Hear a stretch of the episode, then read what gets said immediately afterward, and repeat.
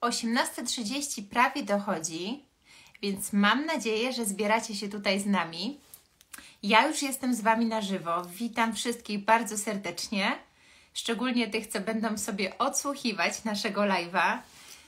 Bardzo się cieszę, że jesteście. Jeżeli jesteście ze mną, proszę napiszcie mi, e, czy mnie widać, czy mnie słychać. Klasyka. Hej, hej, witam Was, witam kochana. Mm. Za chwilkę dodam Iwonkę. Mm. Dajcie znać, czy mnie widać, czy mnie słychać. Połączenie mam dobre.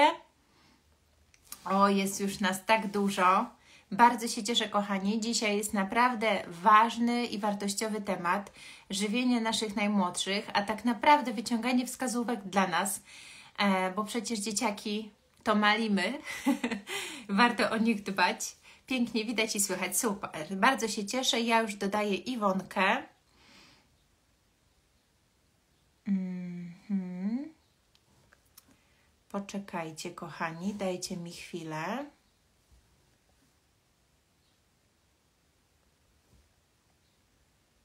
Iwona Wierzbicka, dietetyko. Jeżeli jesteś, to poszło zaproszenie do Ciebie.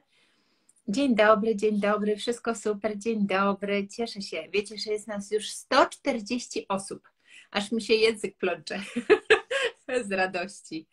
Iwonka dołączyła. O, widzimy jej tablicę zapisaną. Obróć kochana Jak kamerę. zrobić? O, jest! O jest! Jest, przecież ty jesteś taki wyjadacz w live'ach. Tak. Jejku, mamy tutaj ogromną listę pytań. No, to prawda. Ja nie drukowałam, mam na telefonie też, ale to jest naprawdę. O, ale zobacz ile osób. 220 już Wow. osób jest z nami. Ja Także cię... mamy dzisiaj super klikę. No, ale popatrz, to ledwo zaczęłaś, a tu już taka ilość osób jest niesamowite. Fajnie, że jesteście i słuchajcie, mamy dla Was dobrą wiadomość z Olgą, bo żeśmy się dzisiaj naradzały, Tak. że tych pytań jest tak dużo i szkoda by było nie odpowiedzieć na te pytania, więc na pewno będą dwie części, o ile nie więcej, ale na pewno dwie części. E, Czyli widzimy się dokładnie w przyszły poniedziałek o 18.30 ponownie i odpowiemy na resztę pytań, na które dzisiaj nie udało się odpowiedzieć. Dokładnie, bo pytań jest sporo, a jak Iwonka napisała z moją tendencją do rozgadywania się i z Iwony tendencją, no to ciężko będzie zamknąć się w godzince. Dokładnie tak. Dobrze, kochani. Iwona, no chyba nie musimy się przedstawiać, bo mi się wydaje, że wszyscy nas tu znają. Znają. Dobra, kochani, lecimy. Jest 300 osób. Słuchajcie, Iwona robiła e, okienko z pytaniami, ja również. Tych pytań spłynęło bardzo dużo, wymieniłyśmy się nimi, ale sporo się powtarza. E, Także tak naprawdę, często odpowiadając na jakieś pytanie, pewnie już e, pięć innych dodatkowo zahaczymy. No i co? I będziemy sobie tak e, na zmianę, nie? Mhm. Dobra, to może zaczniemy od Ciebie. W końcu jesteś moim gościem. Czyli ja sobie zadam pytanie, czy ty mi? Nie, ja Tobie. Ja Tobie, kochana, zadam. Dobrze, jest pytanie o owoce. Ile porcji owoców uważasz, że powinno być w codziennej diecie dziecka? Tak na co dzień. E, wiesz, pytanie znowu jest trudne i na zasadzie takiej, hmm, to zależy, tak? To zależy. Jak wiemy, dzisiaj bardzo dużo dzieci cierpi na nadwagę bądź też otyłość. Wiele dzieci jednak ma problem z nadmierną masą ciała i przyjęło się mówić, że owoce są zdrowe. Natomiast musimy wziąć pod uwagę, że jest to cukier, tak? E, I, I ja wiem, że dzisiaj mamy też takie, e, taką modę, może, je- jeżeli tak to można nazwać, na wyciskanie soków. I teraz wiesz, jeżeli Mhm. powiemy, że ile tam porcji, to wiemy, że do tego soku to tak całkiem sporo tych owoców może wyjść. Więc jest to taka bomba cukrowa. I zapewne nie ma nic w tym złego, jeżeli po pierwsze dziecko ma prawidłową gospodarkę glukozowo-insulinową, nie jest takim dzieckiem, wiesz, na zasadzie, jak u dorosłego też to się może tak objawiać, też że taka hipoglikemia reaktywna, czyli że dziecko po takim koklajdu po prostu się słania, nie, ma spadki energetyczne, albo wręcz dostaje takiego nadmiernego pobudzenia, więc widać, że tego cukru jest, jest za dużo. I wiesz, nawet jedna porcja takiego, e, właśnie takiego wyciskanego e, z owoców, jakiegoś smoothisa, koktajlu, nie będzie problemem pod warunkiem, że dziecko na każdy posiłek nie je węglowodanów i nie ma skłonności do otyłości, bo takie pytania też się pojawiały. Były pytania, jak sobie poradzić z tym, że moje dziecko tyje, e, że przybiera na wadze, że ma nadwagę, a wręcz otyłość, tak? Bądź też jest takie podejrzenie, jak już mówimy o starszych dzieciach, przecież mam 12-13-letnie dziewczynki w gabinecie, które mają już insulinooporność, pojawia się pierwsza miesiączka i od razu pojawiają się zaburzenia gospodarki hormonalnej. Więc wiesz, no chciałoby się odpowiedzieć tak prosto na pytanie, ile, ale to wszystko zależy. Ja bym sugerowała, żeby podchodzić tak jak do dorosłych, żeby ocenić tą sytuację e, i nie podchodzić na zasadzie, że Owoce absolutnie są zdrowe, więc można po prostu, wiesz, no ile, ile, chcemy. Tak, i przede wszystkim, kochani, zwracajcie uwagę na to, że są owoce i owoce, bo dawanie dziecku codziennie bananka e, to jest zupełnie co innego niż na przykład teraz w sezonie korzystanie z owoców jagodowych. Tak, więc to są zupełnie różne ładunki glikemiczne jednak takiego owoca i to, co powiedziałaś w kontekście soków. Ja często jak pokazuję, że robimy też soki, dostaję pytania, jak te soki traktować.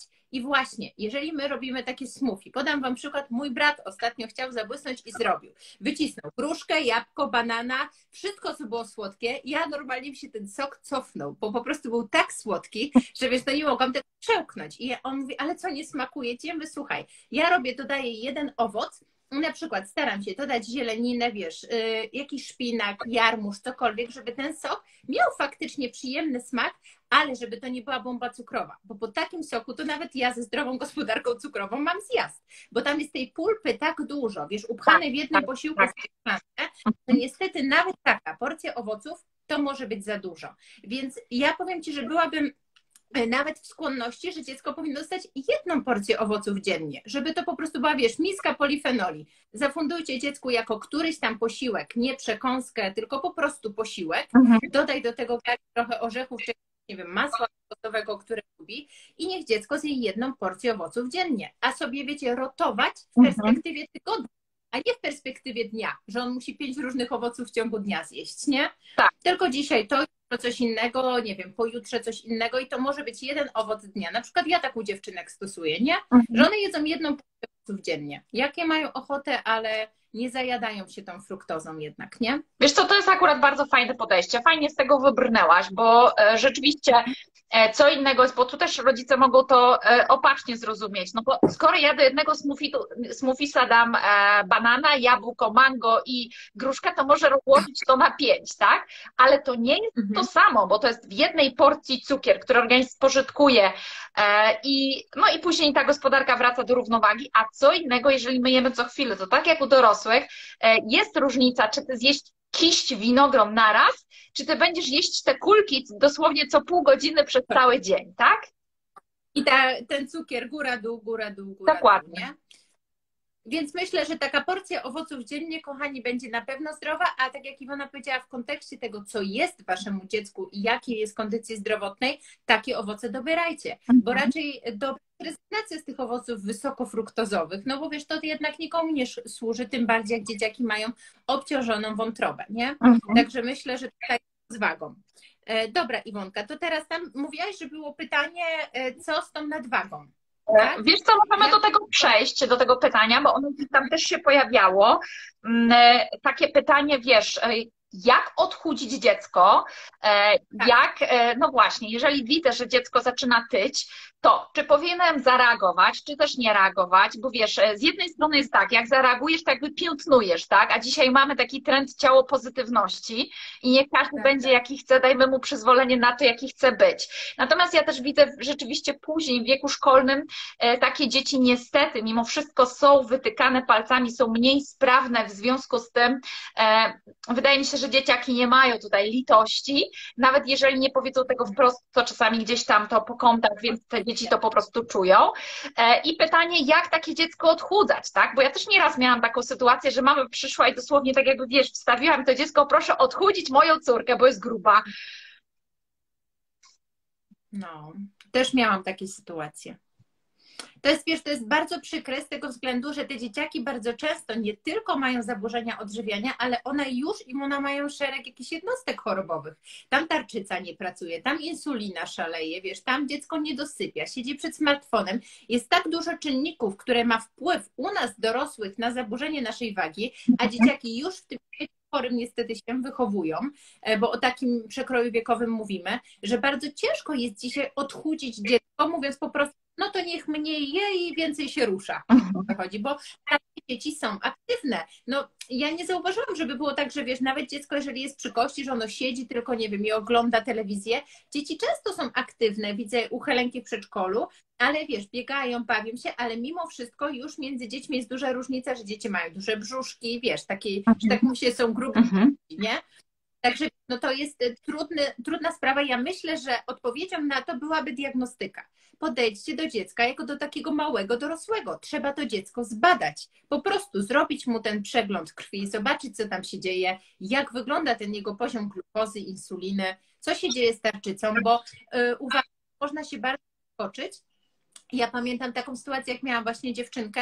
Wiesz, mama mówiła, że ona naprawdę zdrowo ją odżywia i przeprowadziłyśmy ten, ten wywiad i naprawdę no, dziecku nic nie brakowało, już woda do picia było w porządku, ale kluczem był zaburzony rytm dobowy i zła praca tarczycy. Dziecko tak urodziło się już w niedoborach, bo mama przez całą ciążę miała Hashimoto. Dziewczynka urodziła się w dużych niedoborach jodu, co wiemy rzutuje bardzo na gospodarkę hormonalną i w ogóle wiesz, e, zarządzanie tym cukrem, tak naprawdę, że tak powiem, tą glukozą. I dziewczynka od samego początku miała tendencję do tycia, ale wyszło gdzie?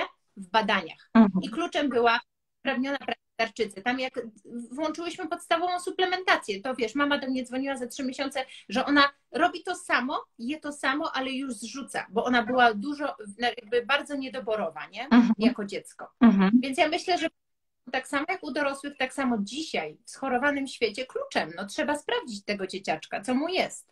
Ale wiesz co, chciałam jeszcze tu dopowiedzieć do tego, co mówisz, bo też e, panuje takie przekonanie, że nie ma co męczyć tego dziecka, tak? E, ale co to znaczy, że nie ma co męczyć, nie? Wiesz, a co się pani tak nad tym dzieckiem znęca, no badania, ale to tylko niepotrzebny stres i tak dalej, popieranie. E, gdzie, wiesz, może trochę e, z dupy przykład podam, ale wiesz, jest coś takiego jak przedszkole Montessori, kojarzysz na pewno, tak? Taką metodę. Gdzie to jest taka też metoda, że, że to dziecko jest jakby w takim prawdziwym życiu, tak? Więc w prawdziwym życiu to wchodzimy na badania, tak? E, I my tak. możemy dać dziecku przykład, możemy sami pójść na badanie, możemy mu pokazać. To zależy też oczywiście od tej emocjonalności dziecka, bo może być na tyle zestresowane mhm. pobieraniem u mamy, że już samo nie zechce.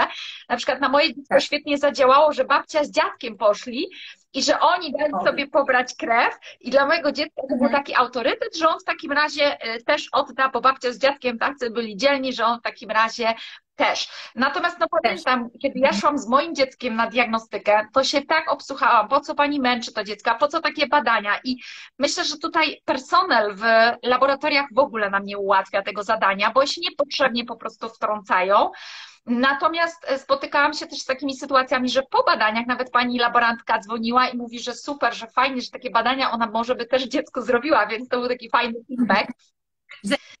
Więc tak jak ty mówisz, e, diagnostyka to jest bardzo ważne, takie podstawowe rzeczy, żeby sprawdzić. E, fajnym badaniem też w stosunku do dzieci jest takie badanie gastroorganics, to jest badanie z moczu, które jest mało inwazyjnym badaniem. Można je zrobić w laboratorium ALAB i tam już możemy zobaczyć, czy dziecko e, ma z jakimś prawdopodobieństwem, można ocenić, czy ma na przykład Giardia lamblie, to jest pasożyt, tak? Możemy ocenić, czy nie ma candidy, czy nie ma jakiejś dysbiozy jelitowej. To już, to już też bardzo dużo, bo my możemy wpłynąć jak w jakiś sposób e, na tutaj probiotykoterapią, czy możemy zastosować dalszą diagnostykę, bo może dziecko ma pasożyty, też to jest kwestia stanu zapalnego, który może powodować e, przybieranie masy ciała. Natomiast to, co chcę podkreślić, odchudzamy i jakby dietujemy się razem, rodzinnie, nigdy nie powinno być sytuacji, proszę mi dziecko odchudzić, proszę mu dietę tak. zastosować, a mama co? Będzie piła kole, jadła frytki, tak? I patrzyła i mówiła do dziecka, tego tobie nie wolno. Więc zobacz, jakie to jest tak. piętno na tym dziecku od samego początku, tak? Więc to... Nie jest brokuła, ale ja zjem frytki. Tak. tak. No. To jest Iwona bardzo ważne, bo ja często się też z tym spotykam, że mamy mają w jakiś sposób takie ukryte pretensje. Dziecko nie chce nic jeść. Ja się naoglądałam tyle zdrowych stronek, ja mu tu BL ale nie zwracamy uwagi na swój talerz, a od tego miejsca powinno się zacząć, bo wiesz, ja już widzę po sobie, bo jakby ja miałam Helenkę w momencie, kiedy tylko ja byłam dla niej autorytetem, bo wiesz, nie była w przedszkolu, e, nie była jeszcze w przedszkolu, więc wiesz, nie było innych dzieci, to jak ja powiedziałam, nałożyłam na talerz, to ona jadła. Była na tyle, że tak powiem, wdzięcznym dzieckiem i jadła tutaj, tak? Natomiast jak już się pojawiły kwestie przedszkolne, to wiesz, ile ja się muszę nagadać, żeby powiedzieć, że to jest zdrowe, że ty nie możesz tych płatków na mleku. A czemu my w przedszkolu mamy słodkie płatki? Tak. Wiesz, to jest już dla mnie tak męczące, że mój mąż ostatnio do niej mówi, dziecko, ty masz jakiś inny temat niż słodycze, bo ona cały czas, bo ona pyta, wiesz, tak rozumie, dlaczego inne dzieci mogą, ona nie może. Dlaczego my jej nie dajemy po śniadaniu od razu nagrody, że, że coś zjadła. Mhm. Więc ja myślę, że bardzo ważna jest konsekwencja. Jeżeli chcecie cokolwiek zrobić z własnym dzieckiem, na zasadzie pomóc mu zdrowotnie, musicie być konsekwentni i zacząć od siebie. Bo łatwo jest zmieniać dziecko, a wam jak ciężko jest, nie wiem, odstawić Coca-Colę do obiadu. Rozumiesz? Bo się lepiej trafi, nie? No są takie, takie e, jakby naległości, więc przede wszystkim zaczynamy zmianę rodzinnie. Ja myślę, badamy dzieciaczka, razem idziemy z nim właśnie na takie badania, wykonujemy choćby z moczu, skał, to co powiedziałeś, żeby zyskać jakiś obraz, E, I przede wszystkim myślę, że zwróćcie uwagę na całość. Nie odchudzajcie dziecka tylko dietą, bo jeszcze ku temu. Tak, tak, tak, to jest bardzo ważne. Wiesz co, jak mało rodziców wie, co dziecko robi po zamknięciu jego drzwi od, e, od sypialni czy od pokoju, w którym dziecko śpi, e, bo ja, ja na przykład jestem tak zwaną bystrą mamą, tak? Jakby ja mam poczucie, że ja mam taką duszę młodzieżową i ja staram się być sprytniejsza od mojego własnego dziecka, więc jak się drzwi zamykają, to sobie myślę, co on by mógł tam robić po zamknięciu drzwi? Na bank wyciągnął sobie telefon, nie? Więc wchodzę, a skąd wiedziałaś? Tato by się nie domyślił, nie? Tak, tak. Albo pod kołdrą, no wiesz, pod kołdrą oglądam. Zobacz, jakie to jest mocne zaburzenie wytwarzania się melatoniny, wytwarzania się hormonów, hormonów wzrostu, co ma kolosalne znaczenie dla zdrowia dziecka. No właśnie i myślę, że patrzcie po prostu tak jak my Was uczymy tutaj e, przez Instagram kompleksowo patrzeć na siebie, to tak samo na dziecko, nie tylko dietą, bo czasem ten sport wspólny na przykład, czy to wysypianie się, czy wiesz, właśnie dbanie o rytm dobowy, okularki dla dziecka, dla nas, mogą dużo więcej zrobić jako taki wspólny ruch rodzinny niż e, sama dieta i to dziecko może chętniej podejdzie do diety e, niż po prostu samym tym, że same restrykcje. Powiesz, jeżeli my nie trzymaliśmy pewnej pewnego, nie wiem, modelu żywieniowego i nagle chcemy wszystko zmienić, musimy zrozumieć, że dla dziecka to będzie ogromny wysiłek. Tak? Więc odchudzajmy kompleksowo, odchudzajmy dając przykład. No ja bym tak po prostu odpowiedziała i zróbcie diagnostykę, bo dzieci są tak różne, no jak my dorośli, że możecie się zdziwić, gdzie tak naprawdę jest, że tak powiem, ten pies pogrzebany, jeżeli chodzi o dzieciaczka. E, to teraz, wiesz co, chciałabym przejść jeszcze do dwóch pytań, tak przy okazji, bo jakby nam się trochę dwa pytania przeplatają. Widziałam, że tu były pytania.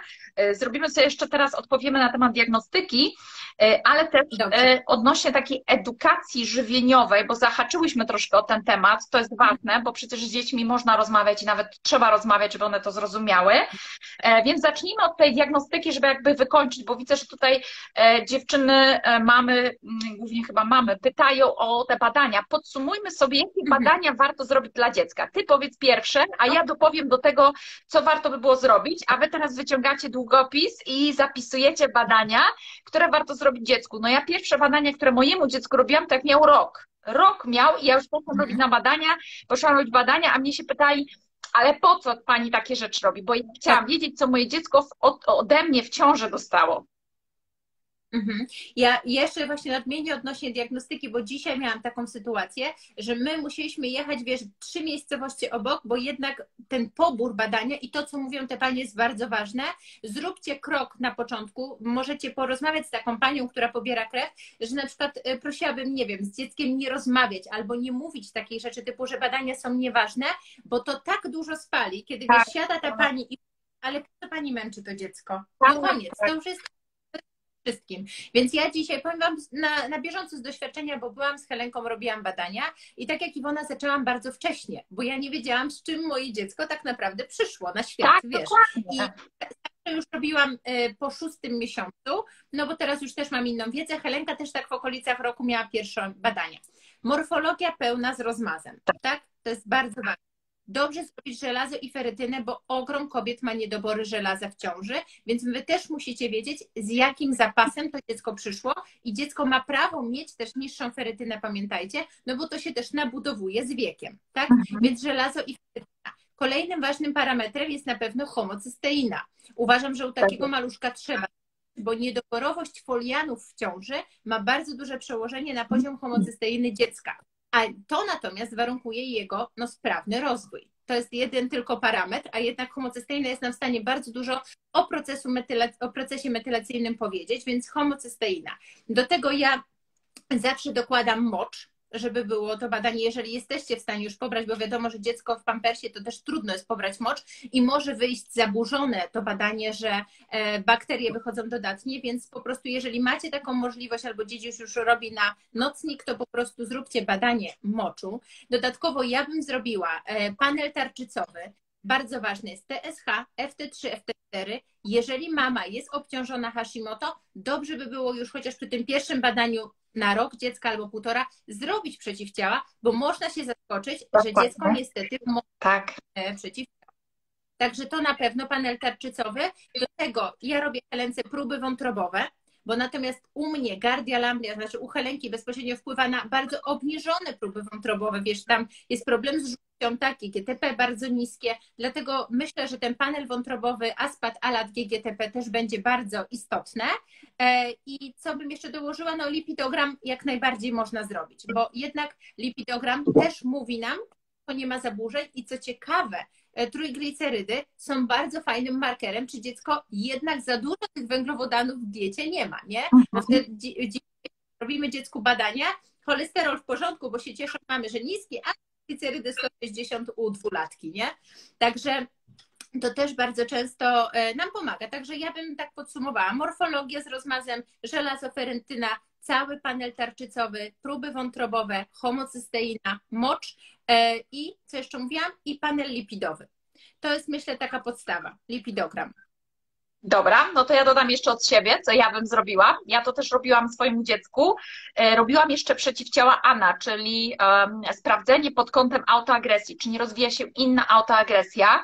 E, jakby mhm. chciałam mieć startowe, tak? Że chciałam wiedzieć, że moje dziecko urodziło się bez tych przeciwciał, co oznacza, że jego mhm. układ immunologiczny jest wyciszony. Jakby miałam punkt odniesienia, bo wiesz, ja w praktyce spotkałam dzieci starsze, które zrobiły badanie i te, te mhm. wyniki były dodatnie i nie wiedzieliśmy, na którym etapie się zaczęły, tak? A tak jakiś masz punkt odniesienia.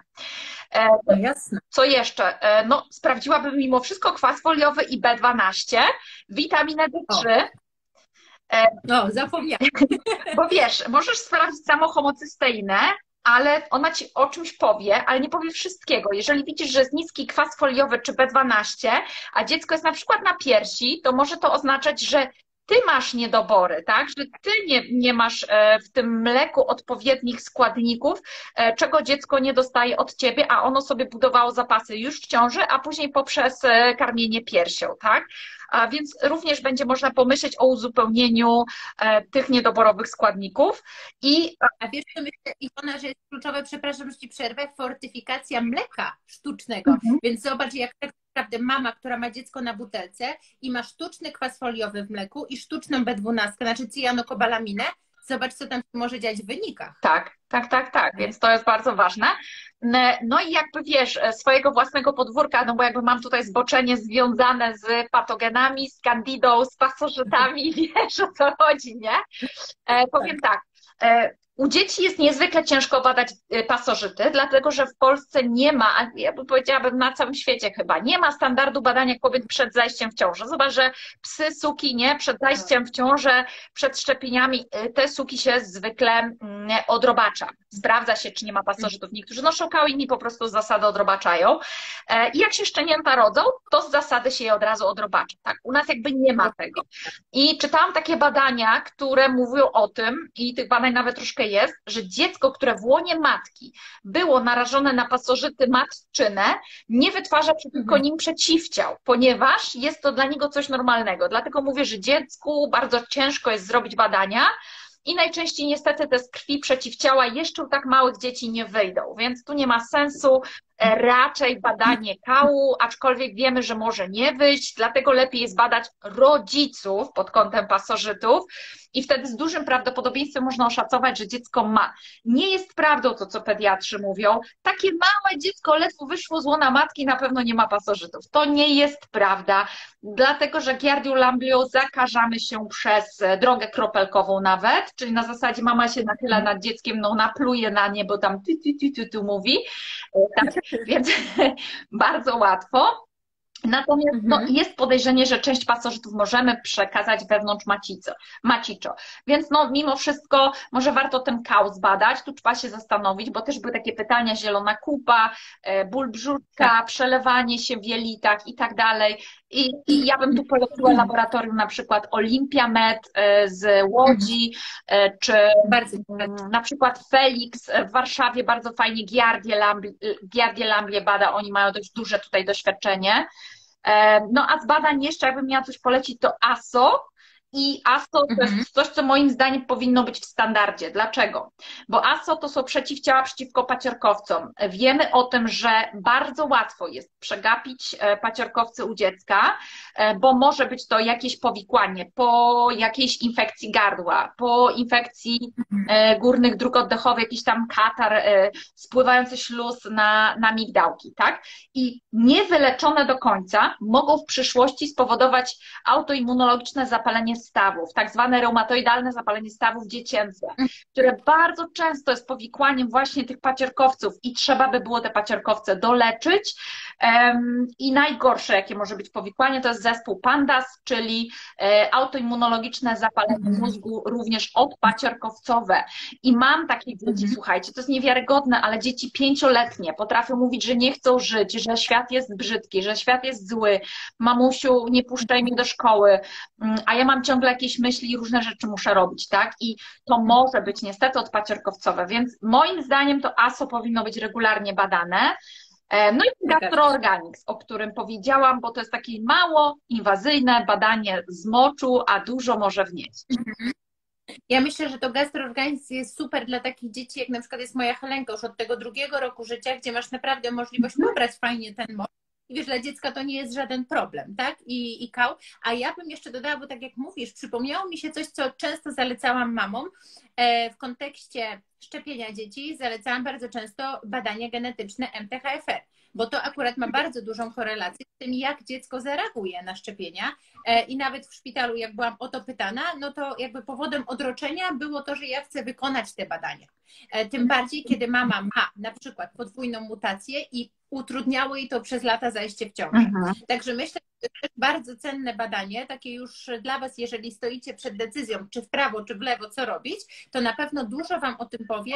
No, to jest wiadomo, że tylko jeden gen, natomiast on jest bardzo znaczący w tym kontekście. Także myślę, że badanie MTHFR-u, jak już pobieracie krew dzieciaczkowi, to, to po prostu jest dobrze zrobić. I ja ze swojego doświadczenia powiem, że jak chcecie się coś dowiedzieć, to dziecko naprawdę im mniejsze, tym łatwiej pobrać, bo tutaj już kwestia jest tylko osoby, Tak. żeby była fajna pani, ale dziecko jeszcze nie wie o co chodzi, a jak zacznie płakać tak naprawdę, to krew leci szybciutko i mi jest o wiele łatwiej teraz Sarze pobrać, niż Helence wytłumaczyć, że wiesz, ona musi mieć badanie, tak? No. Bo ona jeszcze jest na etapie, że jeszcze się boi, tak? A jest świadoma. Więc naprawdę to jest dobry moment wykonywania badań. Myślę, że możemy dużo, dużo interwencji wprowadzić, my karmiąc piersią, Mhm. bądź rozszerzając dziecka, na co zwrócić uwagę, nie?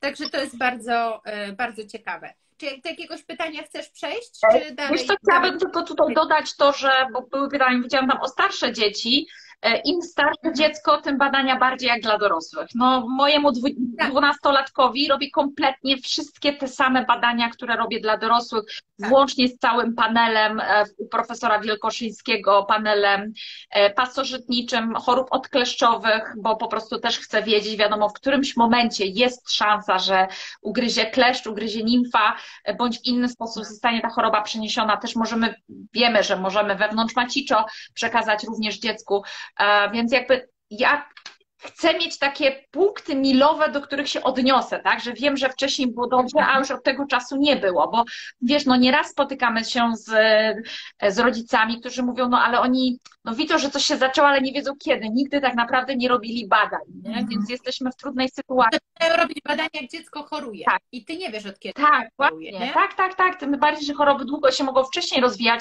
nie dając żadnych jeszcze symptomów, a już widać, że coś tam krwi e, zadziało, gdzie można by było jakąś reakcję przeprowadzić. No i teraz przechodzimy do tego pytania o, mm, o edukację, bo zaczęłaś e, o mhm. tym uświadamianiu. Mówiłyśmy też o uświadamianiu, że te badania są ważne, z dzieckiem też można próbować na ten temat rozmawiać. Ja jeszcze mam tu taką radę, żeby pójść wcześniej do, do laboratorium. Ja też tak robiłam, szłam wcześniej, mówiłam, jakie chcę badania. Pani sobie to wszystko w komputer wpisała, ja już się z nią rozliczyłam. Ona przygotowała sobie te próbówki. Ja na drugi dzień przyszłam z moim dzieckiem, a ona już miała wszystko przygotowane i opisane, i tylko było pobranie krwi. Tak, my dzisiaj też tak zrobiliśmy, żeby Helenka nie czekała w gabinecie za długo na przykład, nie? Mhm. Żeby już wszystko bo to jest bardzo stresujące dla dziecka, to oczekiwanie, nie? Dokładnie. Także wiecie, no ja jestem przede wszystkim tego zdania, żeby nie odpuszczać e, i mogę zdecydowanie też, no akurat na swoim przykładzie powiedzieć z tego względu, że my mamy problem z e, ferytyną. Nie? I wiesz, i gdybym ja tego nie robiła, to ja bym dzisiaj dopiero po kilku latach mogła powiedzieć, no dobrze, no ale to ona za mało je tego żelaza, czy wiesz o co chodzi, czy może dieta niedoborowa, czy coś, tak, ale tak. jednak przez to, że co te 6 miesięcy, nawet jak jest trudno, po prostu pobieramy te wyniki, tłumaczę, nie odpuszczam, po prostu jestem konsekwentna jak z dietą. Wiesz, ja widzę, co się dzieje morfologicznie, że pomimo tam powiedzmy, nie wiem, mojej podjętej interwencji w pasożyty, ta, ta ferytyna nie rusza, więc wiem, że mogę szukać dalej, ale też widzę, że powiedzmy pozostałe parametry, wszystko jest ok, więc ja wiem, na czym się skupić. I to jest bardzo mhm. ważne, że mam punkt zaczepienia, że ja wiem, że od pierwszej morfologii, nawet teraz jak wiesz, jak komuś daję e, wyniki do analizy, to ten ktoś widzi historię. I to tak, jest bardzo ważne, tak. bo wy nawet u siebie nie dbacie o diagnostykę i później ten punkt zaczepienia znaleźć jest mega ciężko, dlatego narażacie się na ogromne koszta, bo wtedy trzeba zbadać się od prawej do lewej, wiesz, kał, tak, tak. bo pasożyty, bo ty nie wiesz. Nie wiesz, czy było wszystko ok, pojechałeś za granicę, wróciłeś i nagle spadło ci żelazo, wiesz, może doszło do zakażenia pasożytniczego, rozumiesz? Bo nie mhm. jesteś w stanie wyłapać. Więc naprawdę diagnostyka co 6 miesięcy albo co roku jest bardzo ważna. Edukacja. Edukacja na mhm. przykład, jak chronić dziecko przed niezdrowym jedzeniem w żłobkach i przedszkolach. Jak chronić dziecko, ale też później nastolatka na przykład, przed tym, żeby nie jadł chipsów. O nastolatku to ja mogę chętnie powiedzieć. A ty powiedz tak. tutaj o edukacji. Powiedz, jak ty edukujesz swoje dzieci, bo na pewno rozmawiasz z nimi. Tak. Znaczy wiecie co, to jest ogromnie trudne z tego względu, że na wpływ, yy, znaczy na rozwój mojego dziecka już ma wpływ nie tylko ja, ale również otoczenie. Więc ja zaczynałam od samego początku, yy, kiedy Helenka tylko zaczynała jeść posiłki, zawsze tłumaczyłam, dlaczego my tak jemy, wiesz, dlaczego ona je to samo, co my mamy na talerzu, po co. Tak jak czasem nawet w filmikach pokazywałam, wiesz, ja ją pytam, Helenko, a na co zdrowe jest jajko, a na co zdrowe jest pomidor, tak. żeby ona wiedziała, po co to je, nie? I na przykład, e, wiesz, jak ona ze mną dyskutuje, co chce zjeść, no to ona mówi, dobra, to zjem tylko jajko, żebym była mądra, nie? Wiesz o co chodzi? Czyli ona gdzieś tam tymi swoimi wartościami rozumie, bo pojęcie zdrowe jest dla dziecka abstrakcyjne. Co to jest dla niego zdrowie? Jedz, bo to jest zdrowe. A co to znaczy w ogóle, wiesz, dla dziecka? Więc e, musimy na pewno rozmawiać jego, mm, jego słownictwem, tłumaczyć i ja zaczynałam od samego początku, natomiast kiedy doszło do tego zderzenia, e, no kiedy Helenka poszła, bo ona była żłobkowym dzieckiem, do żłobka, do przedszkola, to kochani, co mam powiedzieć, nie jest łatwo, bo świadomość leży po prostu na ziemi i kwiczy. No, to są wybiórcze przedszkola, gdzie e, edukacja jest na jakimś wyższym poziomie i można porozmawiać, nie wyglądając na dziwoląga, po prostu z nauczycielami w kontekście diety, natomiast jest niezmiernie trudno. Co ja robię? Konsekwentnie mówię swoje. Czyli pomimo tego, że Helenka w przedszkolu na przykład dostawała na podwieczorki coś, ja ją zabierałam przed podwieczorkiem. Albo dostawaliśmy podwieczorek do domu i ja jej tłumaczyłam, że tego nie jemy. Po prostu, że tu jest Helenko, to, to, to, to, cukier, inne rzeczy, tego nie jemy i przy niej potrafiłam, wiesz, wyrzucić, nie wiem, e, batonika do kubła. No bo to jest dla mnie śmieć. No przepraszam. Ale to, dziecko... matką.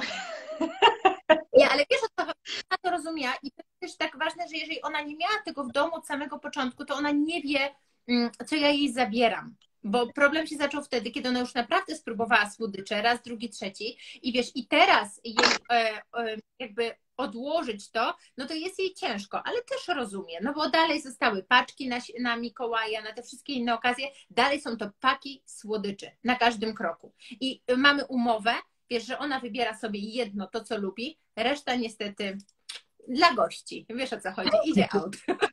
No to jest na takiej zasadzie, ale o co chodzi? Edukacja, konsekwencja, pokazywanie i też, kochani, nie oddzielanie dziecka od siebie. Czyli tak, ja jem, tak. a ty nie możesz. E, zauważyłam, że kluczowe w naszym wychowaniu było to, że jeżeli my sobie z Mateuszem dawaliśmy dyspensę i nie wiem, chcieliśmy sobie zjeść chipsy oglądając serial, no to Helence też dawałam spróbować. Nawet jak miała trzylatka. Wiesz o co chodzi? Tak. Bo spróbowałam. Mhm. I ona sama czy jej smakuje, czy jej nie smakuje. Ja jej nigdy nie oddzielałam, że ja mogę to, a ty nie możesz. Tylko mówiłam, widzisz, my jemy Helenko mało, bo to jest niezdrowe. Więc od czasu do czasu. To tak, tak, tak naprawdę wygląda edukacja, ale wracając do przedszkoli i żłobków, Słuchajcie, no ja robię też to samo. Staram się rozmawiać, chociaż wyglądam na odmieńca na tych wszystkich zebraniach.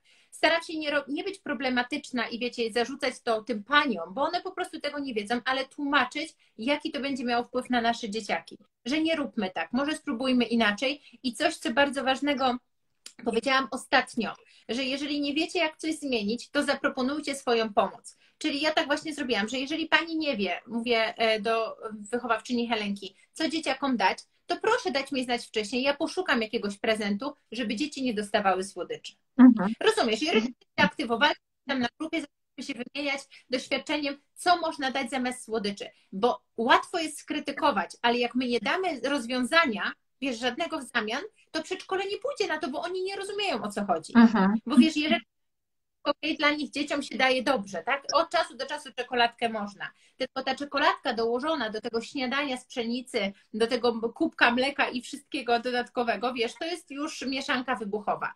Można również e, prosić o wybiórczość diety, natomiast e, niektóre mamy idą w to, że całkowicie gotują dla dzieci. Nie każdy przedszkole się na to zgadza, to też muszę tak. powiedzieć. U nas możesz wybiórczą dietę, ale nie możesz przynosić swojego jedzenia. No także wiecie, wy, e, musicie wybadać szanse, jakie są u Was w przedszkolu, edukować, proponować rozwiązania i po prostu być konsekwentnym. Bo najważniejsze w wychowaniu takiego małego człowieka jest po prostu konsekwencja. Bo jeżeli ja sobie daję dyspensę, to daję ją również mojemu dziecku, żeby ona widziała, że ja też jem czasem mhm. i ona je czasem. Tak? Coś tam niezdrowego.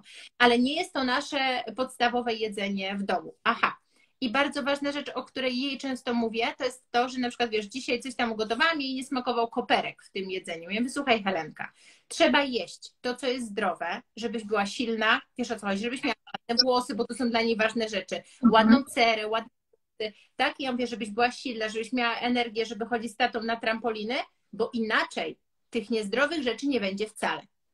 Ja mówię, najpierw zdrowe rzeczy, czyli najpierw te odżywcze. I wtedy już jest inna dyskusja. Wiesz o co mhm. chodzi? Nie ma miejsca w brzuchu na słodycze, jeżeli nie jemy podstawowego tego, co mama gotuje. I to jakoś u nas skutkuje, ale konsekwencja, nie? Po prostu. No bo jak raz drugi odpuścisz, to już po ptakach będzie. Tak, ale co Olga jest w tym wszystkim ważne? Y, świadomość rodzica, tak? Bo wiesz, nam się łatwo mówi, bo my mamy wiedzę. Y, I ja też tak. często spotykam się z tym, że przychodzi do mnie rodzic i on nie jest świadomy, i oczekuje, że to ja wyedukuję dziecko. Ale edukacja nie zakończy się na takiej wizycie w gabinecie, w której to dziecko jest mocno zestresowane, tylko moim zdaniem to rodzic powinien siebie edukować. Przecież i ty, i ja udostępniamy mnóstwo wiedzy, tak? I rodzic tą wiedzę, którą pozyskuje, może przekazywać dalej swojemu dziecku i edukować na co dzień dziecko. To jest tak zwana edukacja domowa, tak? To jak my uczymy dziecka e, doświadczania świata i tłumaczymy, że to jest ptaszek, to jest piesek, a, a to wolno, a tego nie wolno. Jakieś tam, wiesz, e, e, podstawowe takie reguły, że tak powiem, obowiązujące w świecie, staram się przekazać dziecku. Tłumaczymy, że są panowie, którzy są na przykład źli, mogą zrobić krzywdę, tak? Że może nie podchodzić do, do obcych, że uważaj. Moje dziecko mówi, tak, tak, mamo, ty znowu, ja wiem o tych pedofilach, więc moje dziecko mam wrażenie, że jest, wiesz, mocno wyedukowane, bo ja to non stop powtarzam, ale dziecku trzeba powtarzać, bo nie wystarczy, że się raz coś powiedziało. Tak. I nieraz słyszę coś takiego, że też musiałem trafić na matkę dietetyczkę. To jest w ogóle dla mnie już tekst mistrzostwo świata po prostu. E, I pamiętam, jak kiedyś e, szliśmy do sklepu. Moje dziecko było jeszcze naprawdę bardzo małe, a ja już wtedy e, mu starałam się takie rzeczy przekazywać, tylko że ja byłam bardzo brutalna może, może czasami zbyt brutalna, bo chciałam mu tak od razu dobitnie uciąć całą tą, tą rozmowę na ten temat, bo mamo, mamo, patrz, jakie fajne cukierki reklamują w telewizji, że one są takie zdrowe. I ja od razu, tak, wiesz, tak. synu, ale telewizja kłamie. No i pamiętam, kiedyś poszliśmy do sklepu, mamo, telewizja kłamie. I tak wiesz, ci wszyscy ludzie w tym sklepie na nas. Więc jak no dziecko tak. też od dawna było informowane o tym, że z telewizji on się prawdy nie dowie. Później informowałam go o tym, że sportowcy też prawdy nie mówią, że reklamują to, co, za co dostają pieniądze. Bo wiesz, jednak dla wielu młodych takich dzieciaków, szczególnie sportowców, jednak e, inni sportowcy są autorytetami. I tutaj miałam ogromny, e, ogromny problem jakby do osób, które to reklamują, dlaczego to robią dzieciakom, tak? A później zdałam sobie mhm. sprawę, że to jest walka z wiatrakami, no to jest pieniądz i wiesz, no na takie gesty, na jakie, zda, y, y, y, na jaki Ronaldo się odważył, to może sobie niewielu pozwolić. Nie wiem, tak. czy pamiętasz ten gest odstawienia coli i picie tak, wody tak. i picie wodę, tak? To było niesamowite, tak. bo to się rzadko takie rzeczy zdarzają. E, I wiesz, i dochodzi do takiej sytuacji, widzimy ją wspólnie i rozmawiamy o tym z dzieckiem, że to jest fajne, że on w taki sposób tak. postąpił, że mógł to zrobić, tak? A inni są związani kontraktami i nie mogą tego zrobić. Tak wygląda sytuacja, ale podkreślam, ty i ja mamy bardzo otwarte umysły, tak? Na takie rzeczy i nie sądzę, aby e, każdy rodzic był jakby skory rozmawiać z dzieckiem na takie, wiesz, tematy, że, że świat jest często za pieniądze, że za reklamami stoją pieniądze.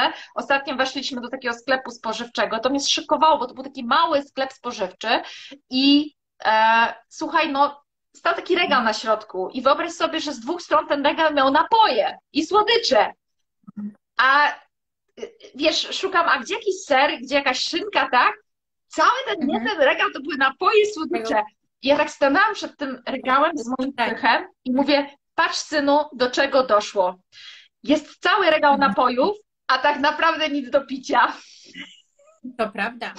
I wiesz, myślę, Iwonka, że to jest bardzo ważne to, co mówisz, żebyście nie, nie niedoceniali siebie i swojej edukacji, bo w tak. pewnym momencie dochodzi do takiego momentu, w którym wy będziecie mówić o tym dzieciom. Dlatego tak ważne jest to, że edukujecie się wy, że wy słuchacie, że jesteście z nami tutaj na live, prawie 400 osób. Wiesz, że wy chłoniecie tą wiedzę, słuchacie innych doświadczenia, bo jesteśmy absolutnie najważniejsi i nigdy nie można dojść do momentu, w którym my stwierdzimy, że to jest bez sensu. Bo jeżeli my się poddamy, tak. to, to, to wszystko zaleje nasze dziecko. I powiem Ci, że ja na przykład miałam na początku takie poczucie bez sensu, bo Twój krzyku już jest duży, tak? To jest fajny chłopak, można z nim porozmawiać. A e, mi było bardzo ciężko, bo wiesz o co chodzi. Mi było ja wiem o co chodzi. Cztery latka mm, i sobie, Boże, co ja mam jej wiedzieć? Wiesz, reklamują w telewizji, że coś jest e, zdrowe, no bo jesteśmy, nie wiem, u rodziców czy coś i jest, leci reklama napoju dla dzieci. I ona do mnie mówi, w, e, w na przykład w, w mm, Rosmanie, jak jesteśmy, tam jest taka często półka, a czy ja mogę sok? Bo mamo, ja widziałam w reklamie, że on jest zdrowy. I ja to samo, ja mówię, no Helenka, co mam Ci powiedzieć? No w reklamach kłamią bo ci Państwo, którzy tam reklamują, ja mówię, chcą zarobić pieniążki. Niestety nie możemy tego oni kłamią. No wiesz, tak jestem się w ogóle, czy ona rozumie, co ja do niej mówię, ale później pamiętam właśnie taka sama sytuacja jak u ciebie, że mm, gdzieś tam była później u mojego taty, oglądamy reklamę, a Helenka mówi, ale kłamią w tej telewizji, nie? Że tak. kubuś zdrowy, takiego. Tak, ale no, zobacz, tam... zobacz Olga, jakie to jest fajne, bo ty mówisz, że w telewizji kłamią i później to twoje dziecko jest mniej podatne na przekaz taki, bo gdzieś się zastanowi, tak? Bo mama mi powiedziała, że w tak. telewizji kłamią. Prawda jest taka, że w telewizji się prawdy nie dowiesz na żaden temat. No może co najwyżej z National Geographic dowiesz się prawdy na temat życia zwierząt, tak? E, ale tutaj wielu rodziców ogranicza taką telewizję dzieciom, bo jest zbyt brutalne, no bo tam tygrys zabija na przykład sarenka. Przecież sarenki są piękne i kochane, nie? E, więc e, ja uważam, że trzeba dziecko edukować od samego początku, nawet jeżeli jest to brutalna prawda. Oczywiście trzeba, jak jest się tak. mamą swojego dziecka, to się na pewno rozumie też jego emocjonalność i można prze, przekaz dopasować do, e, do tego, na co to dziecko jest w danym momencie gotowe, tak? Zgadza się. Zgadza się, ale nie poddawajcie się po prostu. Już kończąc temat edukacji, słuchajcie, edukujcie się wy, i nie poddawajcie się, bo im bardziej jesteście wyświadomi, to się przekłada na wasze wybory. Dziecko was obserwuje. Dzieci najwięcej uczą się z obserwacji, więc nie oszukacie swojego dziecka, bo jeżeli my będziemy, wiesz, sami siebie oszukiwać i jeść pokryjomu słodycze, tak. to uwierzcie, że dziecko szybko nas rozliczy. Bo ja nieraz usłyszałam tekst na zasadzie, ja biorę zdrowego batona, a czemu ty bierzesz wafelka? Tak, tak. To było na i wiesz, trzylatka do mnie wie, no dobra, to weź mam zdrowego, nie? No. Wiesz o co chodzi? Moje dziecko mi kiedyś powiedziało, e, dietetyczka je takie rzeczy, ja zaraz wszystkim powiem, co ty jesz. Ale tak a propos rozmowy z nastolatkiem, powiem Ci Olga, że to jest niezwykle trudne i wszystko jeszcze przed Tobą, nie będę Cię, wiesz, e, tutaj nastawiać, no bo każdy musi doświadczyć tego sam na własnej skórze, ale rozmowa z nastolatkiem e, w dobie, e, nie wiem czy znasz, ekipę Fritz i um, Lody ekipa, Mata i słynny McDonald's, tak, Lewandowski i słynne napoje, to jest cholernie ciężkie, bo to są dla nich bożyszcze. Mamo, ja chcę takiego loda. I później bierzemy takiego loda i ja mówię, patrz synu, na etykietę, przeczytajmy wspólnie, co tam jest, albo proszę go, żeby on sam przeczytał, co tam takiego jest, tak? Jakby no. wdrażam go w czytanie etykiet. I wiesz, do czego doszło? Mnie to bardzo zdziwiło, bo był taki etap, że ja poczułam, że ja nie dam rady. Ja przegrałam tą walkę z moim dzieckiem, po prostu ja się poddaję. Mhm. A teraz, kiedy ma 12 lat i nagle coś mu się w głowie przestawiło, on mówi, że on czytał ten skład, nie masz co tam zaglądać, tam nie ma barwników, które ci tak przeszkadzają. No widzisz, no widzisz. I wtedy myślę, jest... wow, on czyta skład, o to mi chodziło, tak? Czyli jednak warto było mówić, że tam jest coś takiego jak etykieta, słuchaj, możesz przeczytać, tak. takie, takie rzeczy są no problematyczne i on pójdzie do tego sklepu, jednak przeczyta, co to tam jest napisane. A moja poda chodzi za mną po Lidlu i tak, możesz mi przeczytać skład, bo sobie wybrała, wiesz, potem, możesz mi przeczytać skład, że ja jej czyta, wiesz, czy ona może to zjeść. Także naprawdę, kochani, no to jest ważne, więc ja myślę, że edukujmy rodziców. Bo to jest, wiesz, no to jest tak jakbyśmy edukowali dyrektora przedszkola, tak? To się rozleje na wszystkie struktury, więc tak samo traktujcie siebie jako taką osobę najważniejszą dla waszego dziecka, bo ja wiem, że później wejdą jeszcze inne osoby, ale mimo wszystko to, co my robimy, mówimy, to w jakim duchu wychowujesz dziecko, to będzie miało absolutnie najbardziej wartościowy wpływ, bo myślę Iwona, że nawet jak dziecko będzie miało takie odejście, nie wiem, wiesz, pójdzie na studia, 2-3 lata, mm, będzie po prostu robiło co chce, to i tak to, co się zasiało, to wraca bardzo często do nas, nie? Że kurczę, jednak, no, mówiliśmy inaczej, nie wiem, ja pamiętam, co mi mama zawsze mówiła, pomimo tego, że miałam takie etapy w życiu, że jadłam strasznie, tak? Ale jednak gdzieś tam później to wraca, ta edukacja, którą wyniosłam z domu, bo ja wiem, co jest zdrowe, bo widziałam to na własnym talerzu. Dobra, idziemy dalej, co? No. Dobrze, tu było bardzo fajne pytanie. Jak dokwasić żołądek czterolatka? Hmm, no dobre pytanie, dobre pytanie. E, ja bym zaczęła od tego, e, skąd wiemy, że trzeba dokwasić żołądek u czterolatka, tak? To przede wszystkim, skąd, skąd takie podejrzenie? No na przykład badanie ciału i są resztki pokarmowe. Czyli widać, że ewidentnie żołądek nie trawi. No. Albo dziecko nie Właśnie, a może chodzi o inne enzymy trawienne, może chodzi o niedobór enzymów, może tu nie chodzi o dokwaszenie żołądka, tak? A może jest kwestia mhm. też e, pasożytów, może jest kwestia giardi która przytyka nam przewody trzustkowe. E, no wiesz, znowu jesteśmy jakby w diagnostyce, tak? Skąd wiemy? E, wydaje mi się, że dzisiaj mm, dość szybko stawiamy pewne diagnozy, bo pewne rzeczy mhm. jakby są gdzieś modne, krążą, tak? Że wszyscy dokwaszają tak. żołądek, ale trzeba by było się zastanowić nad, nad tym, dlaczego tak jest. Poza tym, co to znaczy resztki pokarmowe? Czy było to badanie kału pod kątem resztek pokarmowych, czy było to to, że mama zauważyła resztki w kale? E, musimy wziąć pod mhm. uwagę, że e, to, co znajduje się w kale, to również czasami jest typowe, dlatego że na przykład kukurydzy nie trawimy, więc znajdziemy kukurydzę w kale i nie oznacza to problemów trawiennych, tak? Jeżeli jedliśmy jakieś ziarna, to łuski, też jasne łuski jesteśmy w stanie zobaczyć w kale. Jeżeli były jedzone pomidory, skórka pomidora może znajdować się w kale, bo nie jest trawiona. Człowiek nie trawi celulozy. Więc tutaj po pierwsze, mhm. trzeba by było popatrzeć na ten kał pod takim kątem, co jest fizjologiczne, a co nie jest, tak? Są takie produkty, które naturalnie będą w kale występowały i nie oznacza problemów e, trawiennych. Kolejna rzecz, e, że na przykład, e, jeżeli już w tym badaniu nam wyjdzie resztki pokarmowe, że nie trawimy, to czego nie trawimy, tak? Bo jeżeli wyjdzie nam dużo skrobi i celulozy jakiegoś tam błonnika, to pytanie, czy trzeba dokwaszać żołądek? No nie, bo dokwaszamy żołądek tylko wtedy, kiedy my mamy problem ze strawieniem białka, bo to do białka potrzebujemy przecież e, aktywacji enzymów proteolitycznych. I tutaj wiele osób popełnia błąd, bo dokwasza się przed każdym posiłkiem, przez co ma później zgagę, bo organizm nie potrafi sobie poradzić. Widziałam takie badania, e, gdzie e, przed posiłkiem była wypijana woda z cytryną i po wodzie z cytryną były zjadane produkty węglowodanowe. Wiesz, do czego dochodziło? Że te produkty węglowodanowe nie były właściwie trawione, po, po, ponieważ dezaktywowana była amylaza, bo środowisko żołądka było zbyt kwaśne, żeby ta amylaza mogła mhm. zadziałać. Więc to też nie jest tak, że my mamy dokwaszać żołądek za każdym razem, bo może najpierw warto by było u takiego dziecka czteroletniego zastosować enzymy. Na przykład bardzo fajny enzym e, jest karikol. E, e, to jest, mhm. to jest w soczewce enzym e, naturalny z papai.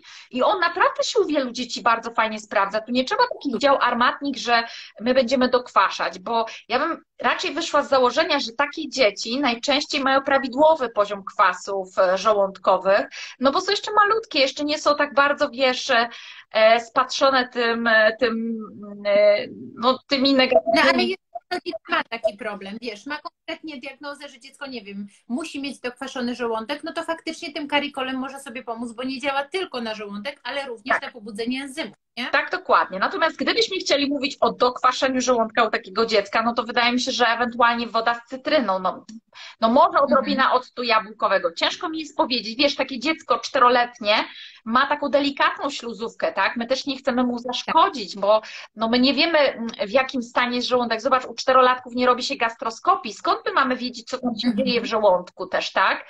E, no ja myślę, że mogą też być gorzkie kropelki, na przykład jakiś orzech czarny czy coś na języczek. Raz tak, na jakiś czas tak, przed tak, tak.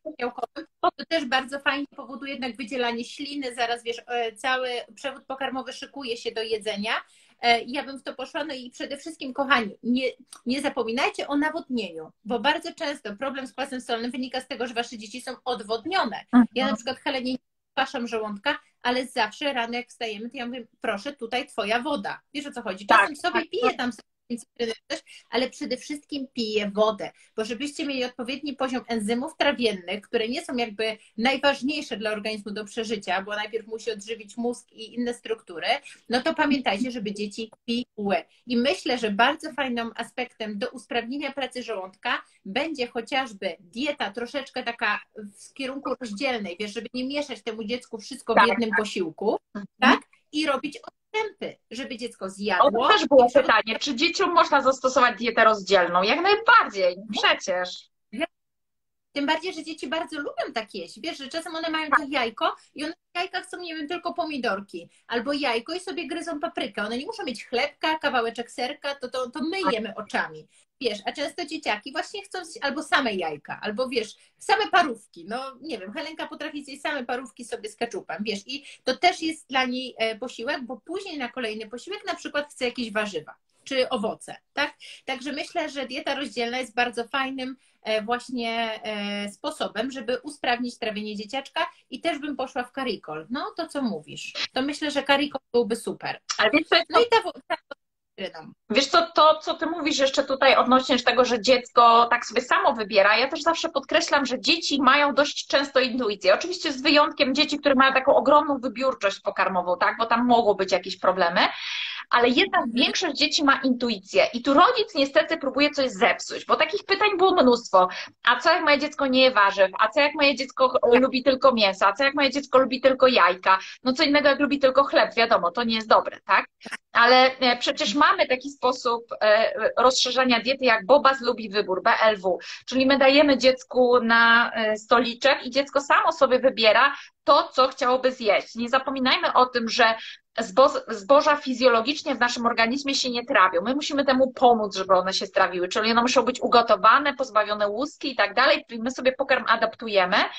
A im dziecko jest mniejsze, tym ma mniej przygotowane jelita na tak drażniące pokarmy, i e, pierwsze, co dostaje, no to dostaje mleko mamy, tak? To jest w postaci płynnej bez błonnika, czyli dostaje tam aminokwasy, dostaje tam laktozę, czyli takie rzeczy, które są dla niego łatwo dostępne. No, zboża są wyjątkowo trudno dostępne, dlatego że musimy najpierw tą łuskę wydobyć, później mamy skrobię, która jest, jak sama nazwa mówi, też częściowo oporna na trawienie.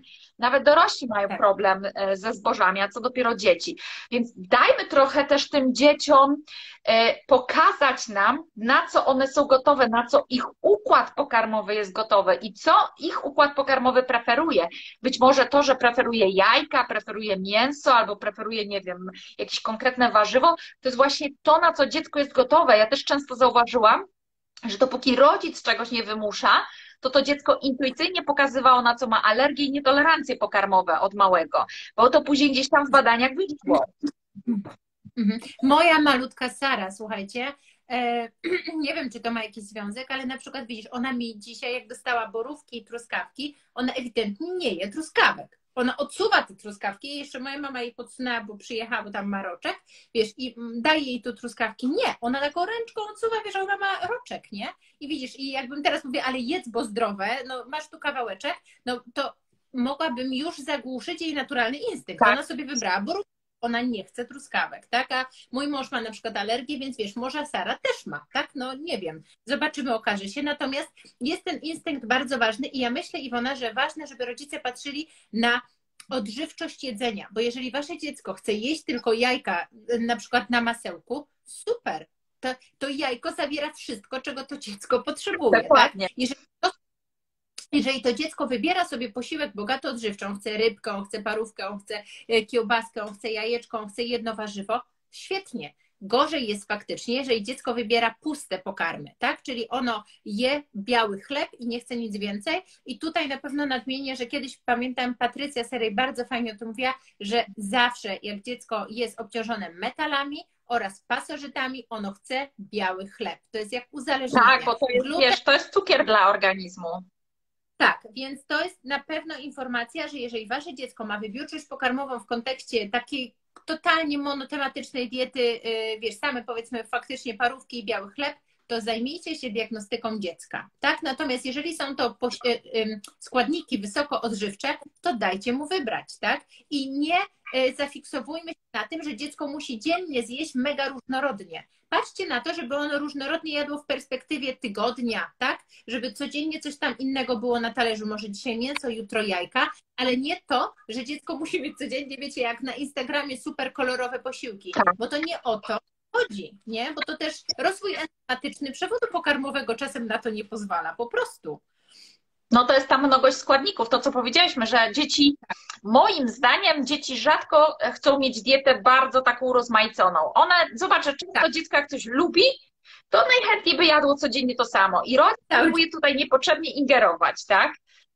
Że można coś dodać, ale zostawić mu to, co ono wybiera, nie? No, to, to nie musi być tak, że talerz jest jakiś totalnie kolorowy, bo jak nie będzie, to będzie brakowało składników odżywczych. To jest absolutnie nieprawda. My możemy tą dietę bilansować sobie w obrębie tygodnia, natomiast to, co powiedziałaś, jajko ma wszystko. Często mięso z tak. większą zawartością tłuszczu również ma tak. wszystko, ale wszystko się zaczyna tutaj w naszej głowie, bo jeżeli rodzic myśli, Wiesz, bo takie pytania były. Za dużo jajek, bo chłopcom na jajeczka zaszkodzi.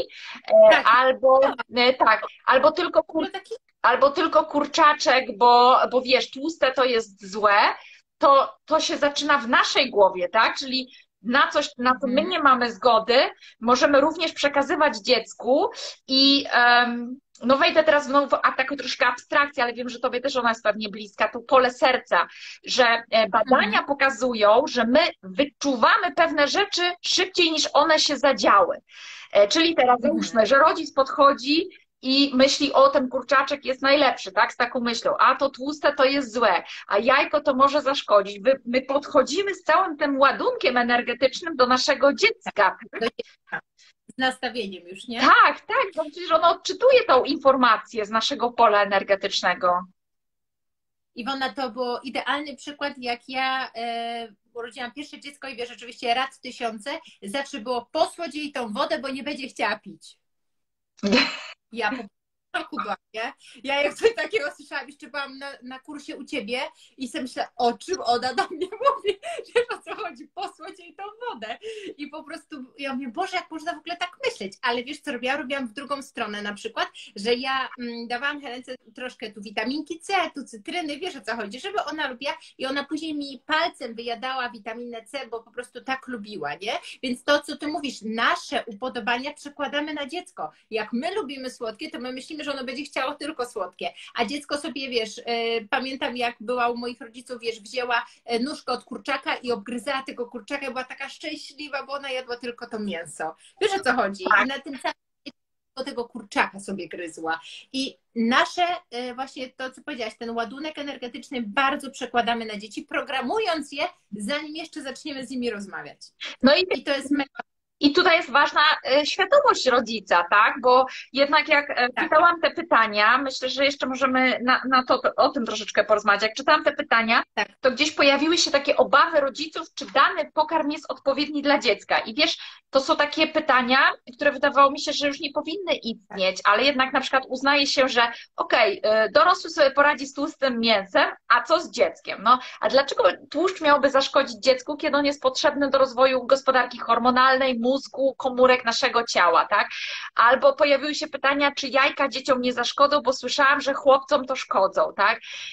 Ja wiem o, wiem, o czym tutaj jest mowa, bo mowa jest o jajkach ze względu na to, że one zawierają cholesterol, cholinę, i wiesz, no, mogą wpłynąć, no wiemy, że z cholesterolu produkują się hormony męskie e, i żeńskie i e, w kontekście mężczyzn chodzi o to, że będą mieli za dużo testosteronu, więc e, małym chłopcom przyjdą głupoty do głowy i będą się onanizować. Już nie, ja to sobie kiedyś tam doczytałam, więc, bo dla mnie też to był taki szok, dlaczego kobiety, i wiesz, to jest przekazywane z, e, e, z babci na babcie, takie powielane są e, mity, ale to zobaczcie, ten mit ma w sobie bardzo dużo dobrego, bo jeżeli on faktycznie wpływa w taki sposób, że chłopcy mają mieć wyższy poziom testosteronu i mają się onanizować, ne- no to jakby no nie chodzi mi o to samo onanizowanie się, tak, ale wyższy poziom testosteronu, czyli wyższy popęd, a jednak w dzisiejszych czasach, zobacz, że mamy problem z tym, że mamy za niski u chłopców, za niski poziom testosteronu, u kobiet też często są zaburzenia gospodarki hormonalnej,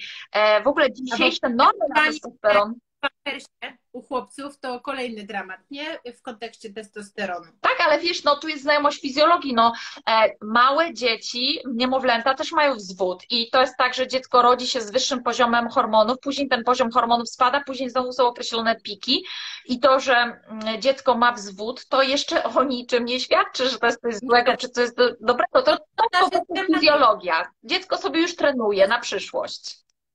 To są schematy dorosłych. Pamiętajmy, że my Tak. bardzo często niestety podchodzimy do dzieci przez nasze schematy, więc jeżeli my chcemy naprawdę e, wychować mądrego człowieka, to bardzo warto zacząć pracę od siebie, bo to się absolutnie przełoży w każdym celu na dzieciaka, nawet nie będziemy wiedzieli kiedy. Bo to jest właśnie, jak ja ostatnio nawet napisałam post. E, Wiesz, posiadanie dzieci najbardziej zmienia mnie, bo ja widzę swoje schematy, których ja wyrosłam, które mi też mass media zaprogramowały i wiesz, ja staram się dzie- dzieciaki od tego uchronić, a jednocześnie często moje reakcje albo nastawienia do danego tematu są spowodowane tematami. I jak ja zacznę pracę ze sobą e, i na przykład zaczęłam w kontekście, wiesz, niezastraszania dziecka, to ono po prostu się wychowuje inaczej, tak? Nie mówiłam, nie idź tam, bo się wywrócisz, nie rób, bo spadniesz. Przepracowałam ten schemat, przestałam mówić i Helena jest tu ważna, ona wszędzie wchodzi, spina się pierwsza. Rozumiesz, ale ja przepracowałam schemat ze sobą. Dlatego to jest na przykład bardzo ważne, e, jakby w kontekście też edukacji. E, I powiem Ci szczerze, że jeszcze, czy dziecko potrzebuje pięciu posiłków, to było bardzo fajne, czy jednak może jeść mniej? To jest pytanie do mnie. Powiedzieć, nie, bo ja mogę gadać, ale Więc możesz ja, tak, powiedzieć. ja uważam, że e, nie ma żadnego schematu. E, Był kiedyś schemat, e, ja jeszcze pamiętam, tak jak ja rodziłam, to takie schematy były w szpitalach ginekologicznych, takie, takie schematy się rozdawało. Później przestali rozdawać schematy i dowiedziałam się, że to jest największa tragedia dla mam, ponieważ mamy poczuły się, że one nic nie wiedzą. Czyli zobacz, że Mhm. Jak była edukacja, co dziecko powinno jeść, to mamy czuły taką pewność, leciały według tego schematu, bo uznawały, że one jako jako matki nie wiedzą nic, tak? Ale przecież kiedyś Mhm. dawno temu w ogóle nie było dietetyki. I zobacz, my wyrosłyśmy na ludzi, jesteśmy zdrowe i nawet można powiedzieć, że to starsze pokolenie było bardziej zdrowe niż to młodsze pokolenie dzisiaj. No to jest oczywiście z- zasługa wielu rzeczy, tak? I, i, i jedzenia przetworzonego i tak dalej. Niemniej nie było kiedyś tej wiedzy i nie było tak dużo otyłych, nie było tak dużo kłopotów, chorób i tak dalej. E, I jak y, okazało się, że te schematy przestały istnieć, czyli dano taką dowolność, że to dziecko ma decydować, kiedy chce zjeść i ile chce zjeść, to mamy poczuły się takie przerażone. To ja już teraz nie wiem, czy moje dziecko dobrze je. Tutaj Tak, zachętą do Dlaczego tego.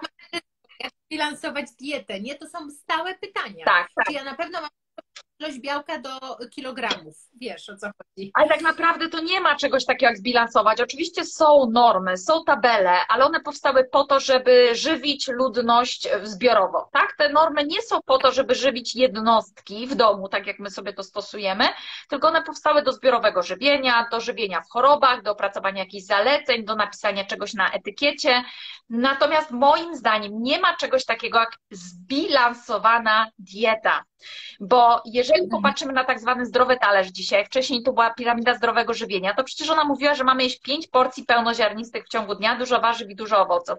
A jakże dużo ludzi ma problem z jelitami, nie, nie trawi tego, ma wzdęcia i tak dalej, to jak się ma do tego na przykład dieta Masajów, którzy jedzą tylko produkty zwierzęce, a nie jedzą produktów, produktów e, typu zboża, tak? No to co, można by było Mhm. powiedzieć, że Masajowie mają w takim razie dietę niezbilansowaną, a jak się ma dieta frutarian, czyli ludzi, którzy jedzą głównie owoce?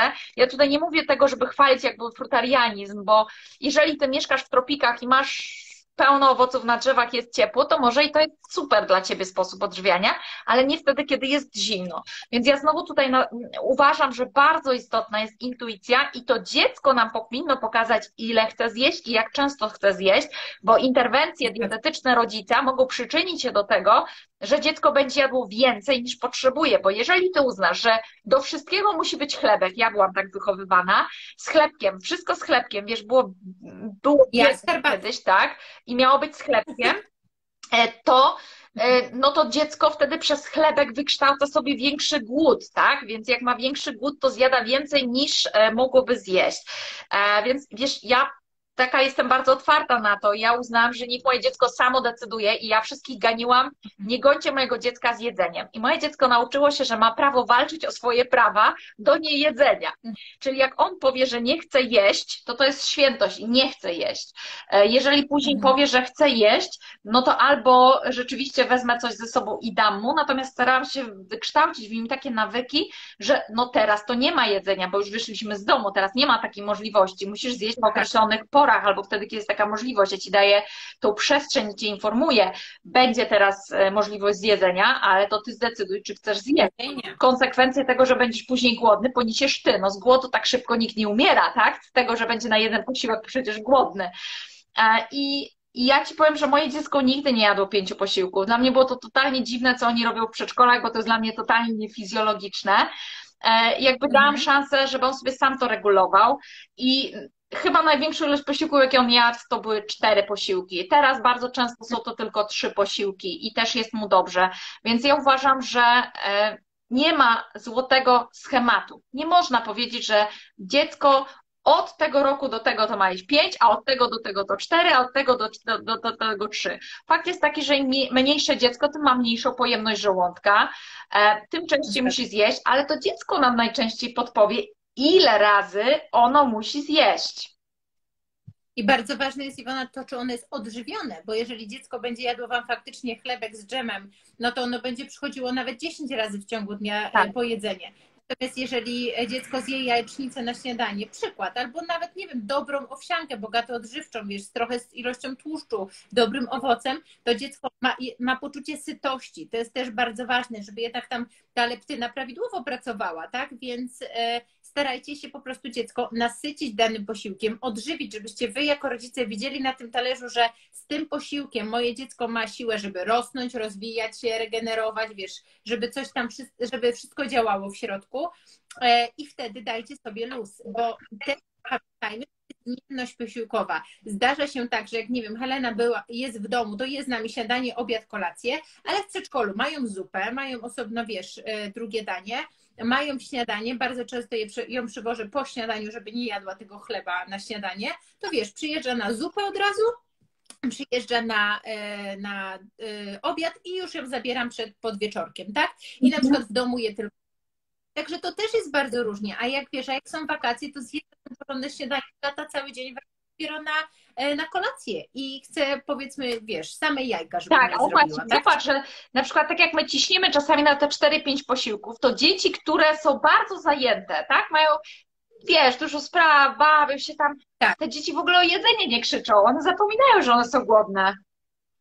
Tak, bo musicie pamiętać o tym, że my mamy masę mechanizmów, które pozwalają nam radzić sobie z głodem, ale nie mamy żadnych mechanizmów, żeby radzić sobie z przejedzeniem. Tak jest. I po prostu no i tak jest, z dzieciakami jest tak samo i nie traktujmy dzieci jako coś zupełnie osobnego. To, co ty powiedziałaś, że e, czy to dla dziecka będzie zdrowe. Jeżeli dla ciebie jajko jest zdrowe, jeżeli dla ciebie mięso jest zdrowe, ryba jest odżywcza, no to jak to ma być niezdrowe dla dziecka? Tak, nawet od najmłodszych miałyby, bo, wiesz, co te dzieci miałyby jeść? Wiesz, o co chodzi? Dokładnie. one żyją samych produktów. To są mali dorośli, po prostu oni budują się. Wiadomo, że potrzebują wysoko odżywczo, troszkę wiadomo też bardziej niż my, natomiast tym bardziej dziecko powinno jeść to, co gęsto odżywcze. A nie, tak. że wiecie, samymi obrotami zapychać. Wchłania to, co nie ma składników antyodżywczych, a jednak wiesz, e, produkty zbożowe, e, strączki, to wszystko jest pełne produktów antyodżywczych.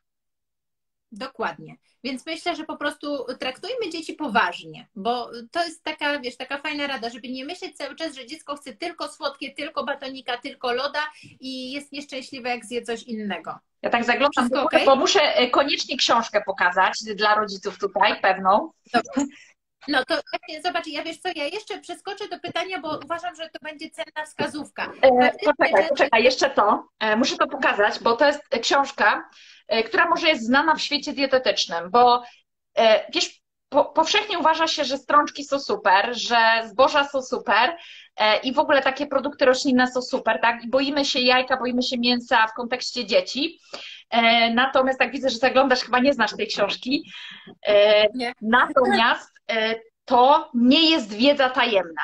To nie jest wiedza tajemna. I teraz Wam pokażę książkę, która jest, to jest wydawnictwo Uniwersytetu Jagiellońskiego antyodżywcze i antyzdrowotne aspekty żywienia człowieka. Patrzcie, jaka gruba jest ta książka. No na pół mojej twarzy. Ta książka ma 740 stron. I uważam, uważam, że każdy powinien tą książkę przeczytać, ponieważ w tej książce jest mowa o lektynach, czyli o tym, że pomidor nie zawsze jest taki zdrowy. Jest mowa o roślinach strączkowych, jakie mają substancje odżywcze i uważam, że każdy powinien to wiedzieć. To nie oznacza, że mamy tych produktów nie jeść ale powinniśmy mhm. zadbać o proporcje w diecie, bo takie pytania tutaj były, wiesz, czy owsianka dla dzieci, czy zboża dla dzieci, czy te płatki kukurydziane, nie? I zobacz, że większość tak. rodziców pierwsze pokarmy, jakie podaje, to podaje kaszki takie węglowodanowe, nie? E, czyli mhm. idziemy jednak w coś, co będzie zawierało substancje odżywcze i na ten temat jest książka, nie jest to książka typu, wiesz, roślinne kłamstwo, która może być potraktowana jako e, tak zwana foliarska czy szurowska, tylko to jest normalnie książka akademicka z, z bardzo rzetelną wiedzą dotyczącą tego, jakie substancje występują w żywności, których my nie trawimy, które mogą nam zabierać składniki, które helatują, które ściągają, które inaktywują kwasy żołądkowe. No niezwykle cenna wiedza. Ja myślę, Iwonka, że to jest bardzo ważne jeszcze, bo to nawiązuje do pytania, na co uważać w diecie wegetariańskiej u dziecka. E, ja powiem dość brutalnie, tak jak z wyrzuceniem tego batonika, to jest moim zdaniem jeden z największych błędów, utrzymywanie dziecka na diecie wegetariańskiej. Po prostu mi dość dobitnie, pamiętam, pan Jacek Kucharski przetłumaczył w pierwszej ciąży i szybko po czterech latach bycia wegetarianką w ciąży wróciłam do tłuszczu.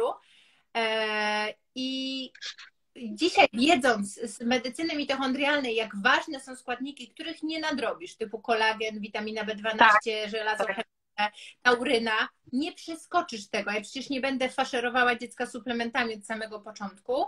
nie odważyłabym się wprowadzać dziecka na strączki, zboża i zieleninę, która nie okłamujmy się, nie jest absolutnie w niczym lepsza od mięsa. Wiesz o co chodzi, jakby w kontekście zatrucia. Ola, ja bo to doskonale ma... wiem, bo ja nawet, wiesz, na, na, na swoich kursach dietetycznych robię takie zestawienie. Jest taki program do układania diet i to jest taki program, taki z jakiego dietetycy korzystają, tak? I zrobiłam zestawienie dieta, e, dieta oparta jakieś tam warzywa, i, nie wiem, kurczaczka takiego chudego, zboża, jakieś taka typowa dieta Kowalskiego, powiedziałabym, urozmaicona.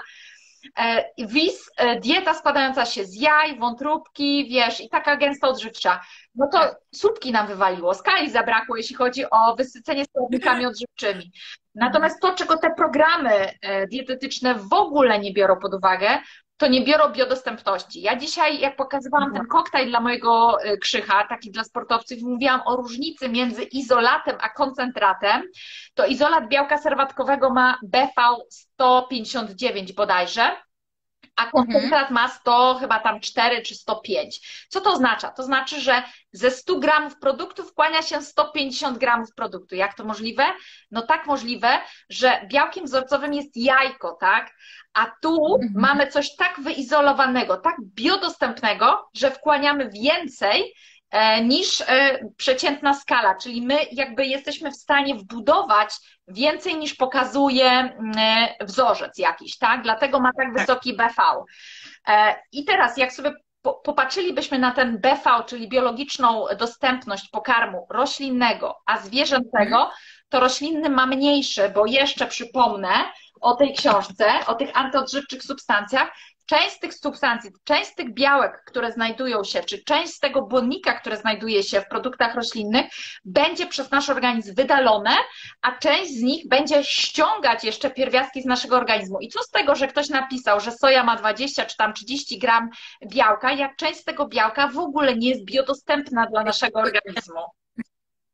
No właśnie, więc myślę, że ta gęsta odżywczość diety i ta biodostępność jest kluczem i żeby tak naprawdę w ten sposób, wiesz, patrzeć na dietę e, dzieciaków, nie? Bo ale ten koktajl, który widziałam przepis, no jest rewelacyjny, nie? Bo on jest w małej ilości, tak, tak. dużo produktów które dziecko wykorzysta. Wiecie o co chodzi? To jest jak z tą kukurydzą. Ja kiedyś widziałam takiego fajnego mema, że wchodzą różne składniki do buzi i później widać to, co jest w kubie. Wszystko strawione, a kukurydza let's play again, nie? Czyli zaczynamy od początku. No e, i wiesz, jeżeli... to jest super przykład, bo teraz możemy nie uzyskaliśmy, nie? Tak, no a za, za, załóżmy, że e, liczymy sobie kalorie, białka, tłuszcze, węglowodany, witaminy, minerały, liczymy z kukurydzy, tak?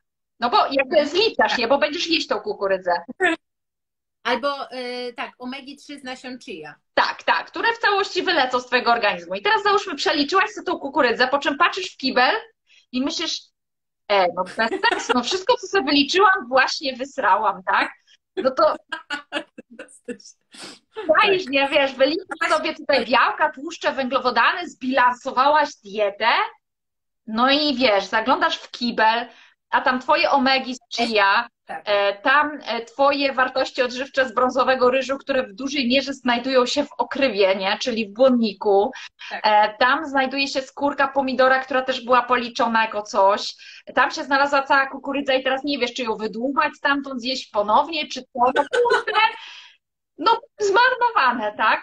Więc o to chodzi w biologicznej dostępności, w biologicznym e, biodostępności żywności. Chodzi o to, ile z tego, co ty zjesz, twój organizm potrafi strawić, wchłonąć. Dlatego e, to jest znowu taka wiedza, która powinna też być e, poruszana. Nie tylko to, czy moja dieta jest zbilansowana. No pewnie na papierze jest super zbilansowana, tylko w praktyce połowa jest w kiblu, nie?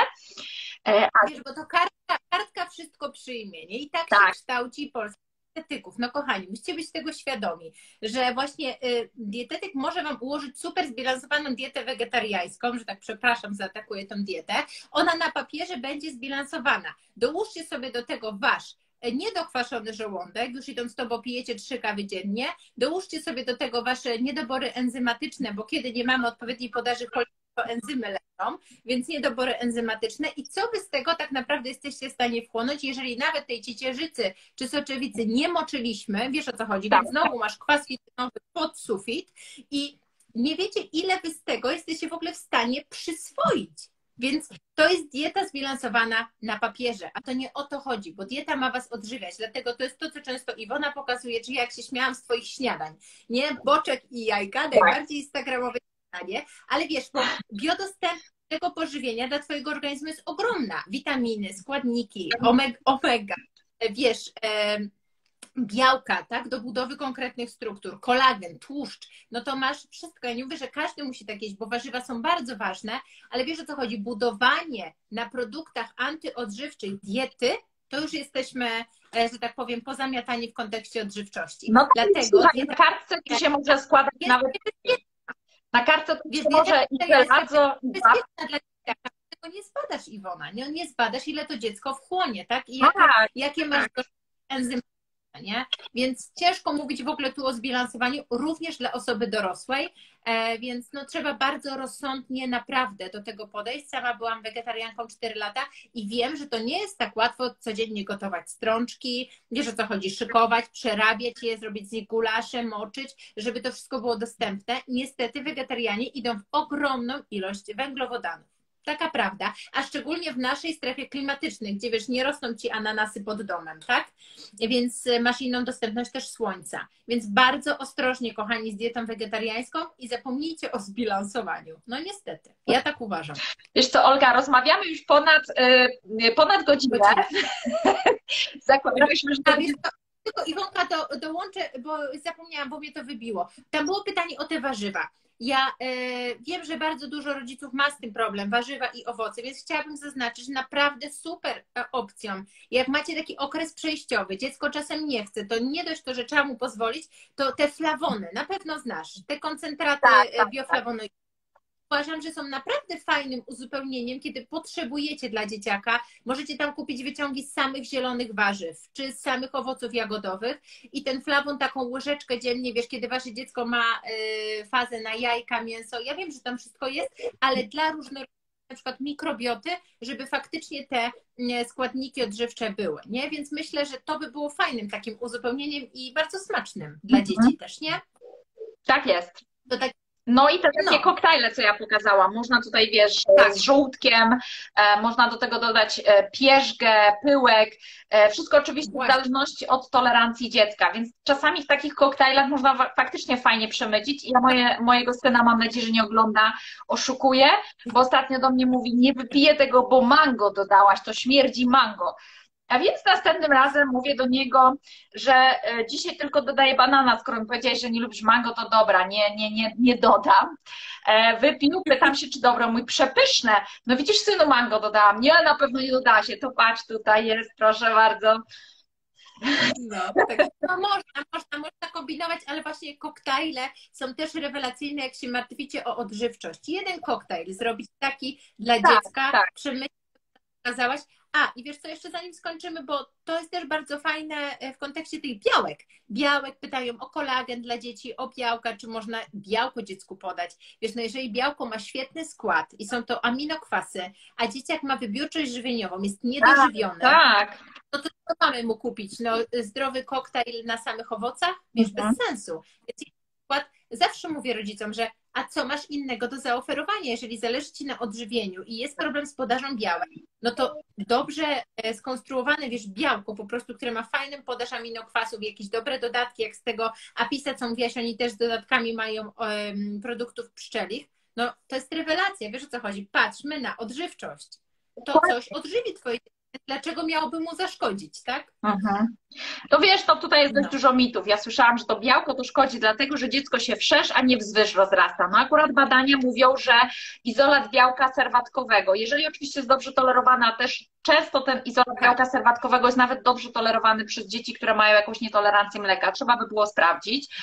E, Mówią o tym, że podnosi poziom hormonu wzrostu, więc u dzieci to fajnie, tak, bo e, hormon wzrostu No jest hormonem młodości. On powoduje, tutaj nie należy patrzeć w tą negatywną stronę, a że może nowotwory rozwinąć, bo jednak popatrzmy, ilu kulturystów stosuje hormon wzrostu e, i jak się świetnie mają i nie chorują jednak na nowotwory, bo oni są tak e, zaopatrzeni w różne suple, że nie.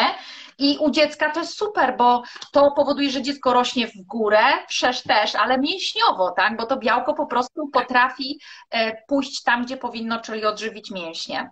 E, które to po białku, słuchajcie, zajrzyjcie do mnie na profil, e, ja tam polecam ekstensora, pokazałam jak wygląda taki koktajl dla dziecka. Super. Tak, ja też bardzo często polecam to białko, ono jest super. I ten koktajl, który ty pokazałaś, moim zdaniem to jest taka bomba Tak. odżywcza. Tak. Patrząc na ponialność, mega. W ogóle e, koktajle z surowym żółtkiem, to jest coś rewelacyjnego. A jak dzielicie się salmonelli, pamiętajcie, że jajko sparzymy z zewnątrz. To nie chodzi o to, co jest w środku, Tak, tak? tak. Zadbać o skorupkę. Dobra, kochana, e, i tak wyszło półtorej godziny. Tak, Ale mamy na 400 tylko kilka pytań odpowiedzianych, nie? Tutaj jest dalej, dalej pełno tego. A widziałam, że tutaj e, bardzo dużo też dodatkowych fajnych pytań się pojawiło, na które też chętnie byśmy odpowiedziały.